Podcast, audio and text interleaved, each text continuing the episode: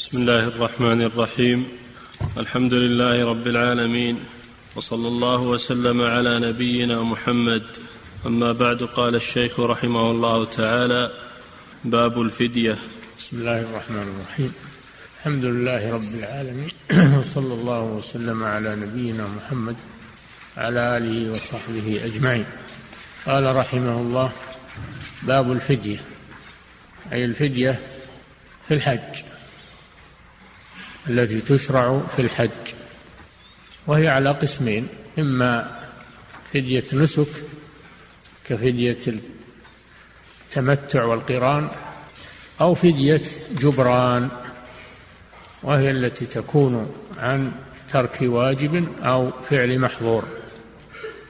عن ترك واجب أو فعل محظور محظورات الإحرام. هذه هي الفدية بنوعيها. هناك فدية التطوع وهذه لا تتعلق بالحج إنما هي فدية تطوع بإمكان المسلم أن يفعلها في أي وقت مع الحج أو مع العمرة أو يبعث بها من غير أن يذهب هو كما فعل النبي صلى الله عليه وسلم. وهذه تسمى بالهدي.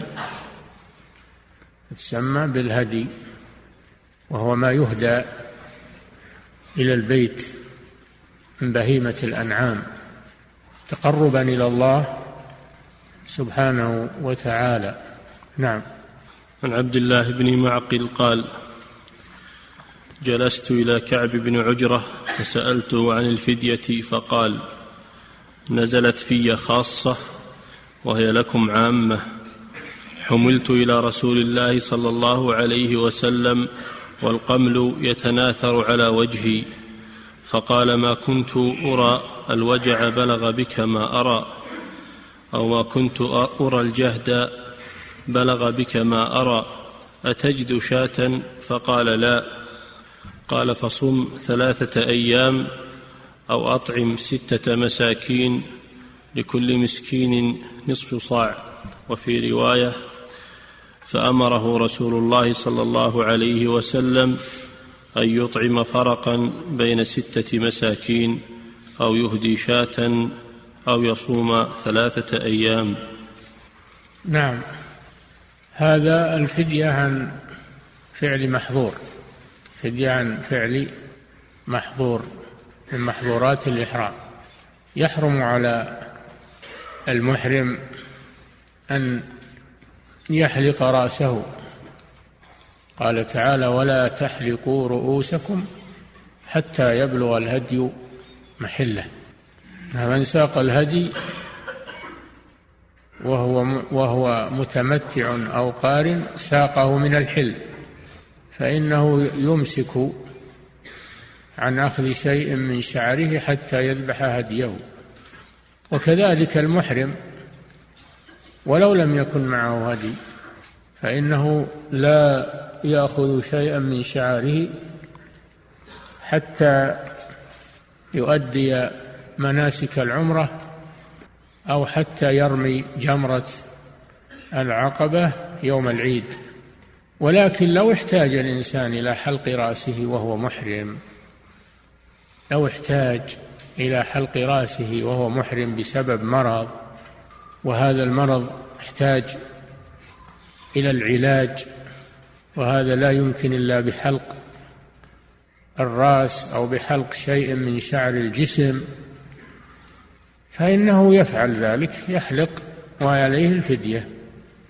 فمن كان منكم مريضا أو به أذى من رأسه ففدية من صيام أو صدقة أو نسك. هذا في القرآن. يعني من كان منكم مريضا أو به أذى من رأسه فيه تقدير في الآية فحلق. فحلق ففدية من صيام أو صدقة أو نسك. والنسك هو الذبيحة. سبب نزول الآية كما في هذا الحديث أن كعب بن عجرة رضي الله عنه كان محرما مع النبي صلى الله عليه وسلم. فأصابه القمل في رأسه. القمل معروف يؤذي. أصابه القمل في رأسه وهو محرم ومرض بسبب ذلك. حمل إلى النبي صلى الله عليه وسلم والقمل يتناثر على من على رأسه.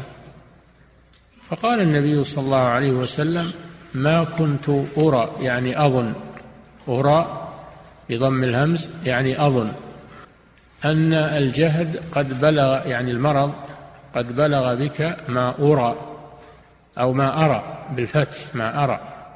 أرى الأولى بالضم يعني أظن والثانية أرى يعني أبصر بفتح الهمزة ما كنت أظن أن أن الجهد قد بلغ ما كنت أرى أن الجهد قد بلغ بك ما أرى ما أرى.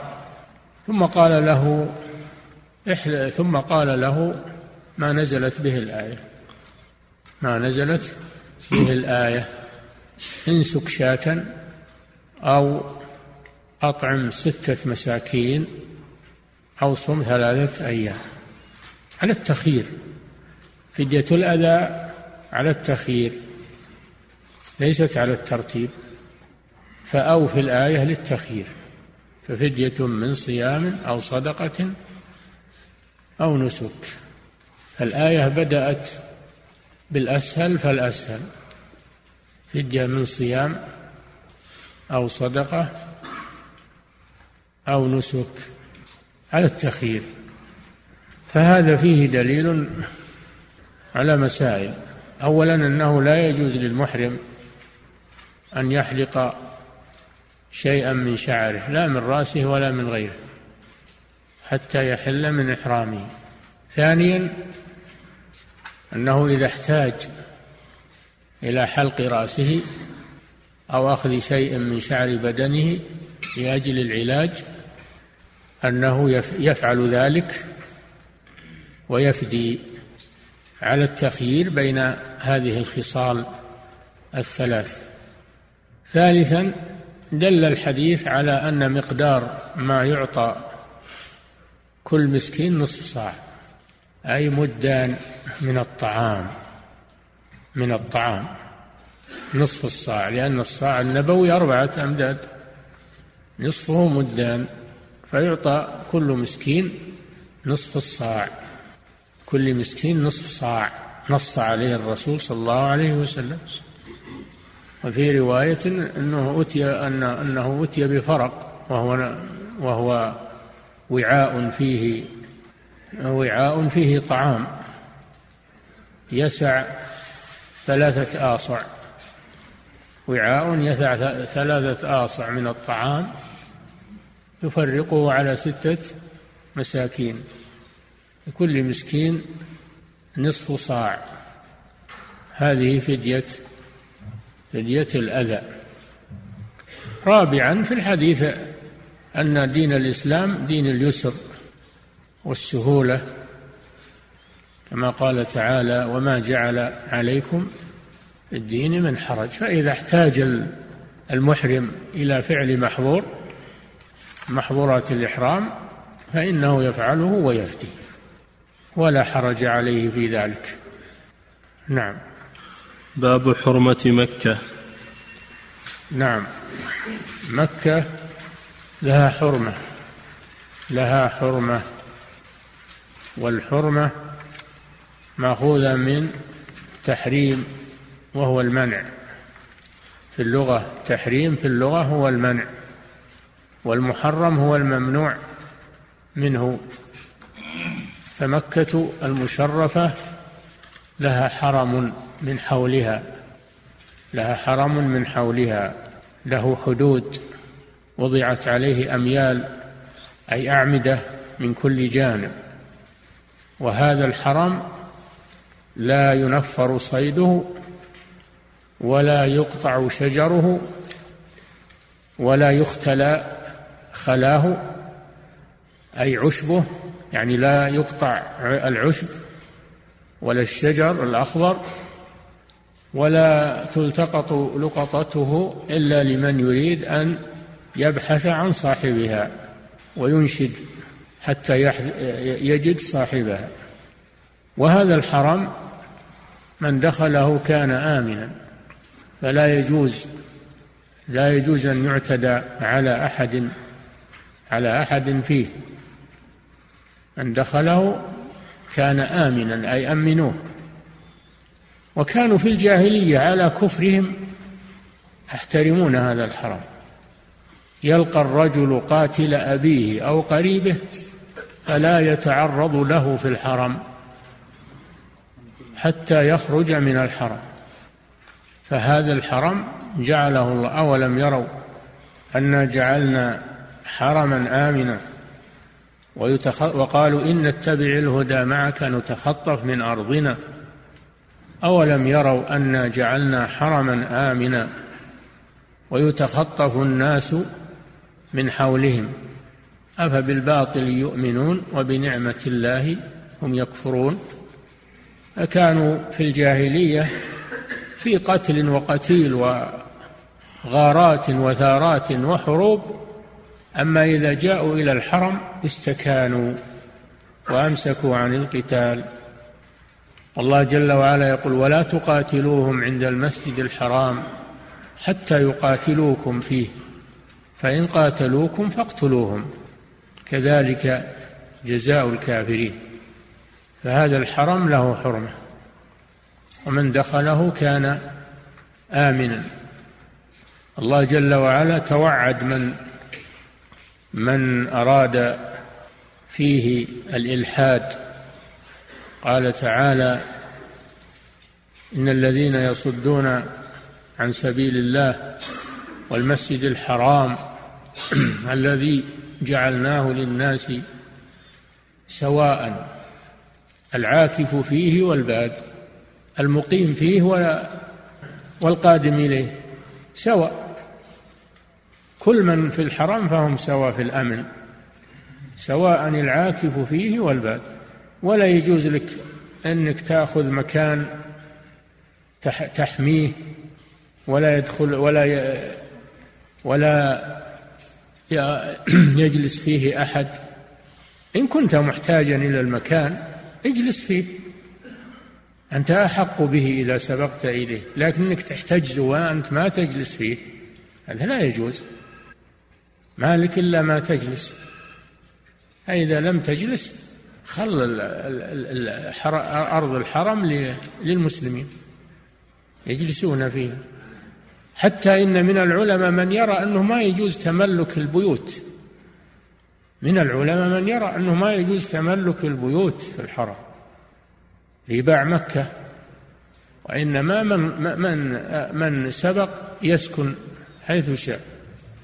لكن الجمهور على أنه لا بأس بتملك البيوت. وتأجيرها وبيعها لأن الرسول صلى الله عليه وسلم لما سئل لما سئل تنزل في دارك غدا قال وهل ترك لنا عقيل؟ يعني عقيل بن أبي طالب من رباع أو دور يعني باعها دل على أنه يجوز بيع بيع البيوت في الحرم والتاجير.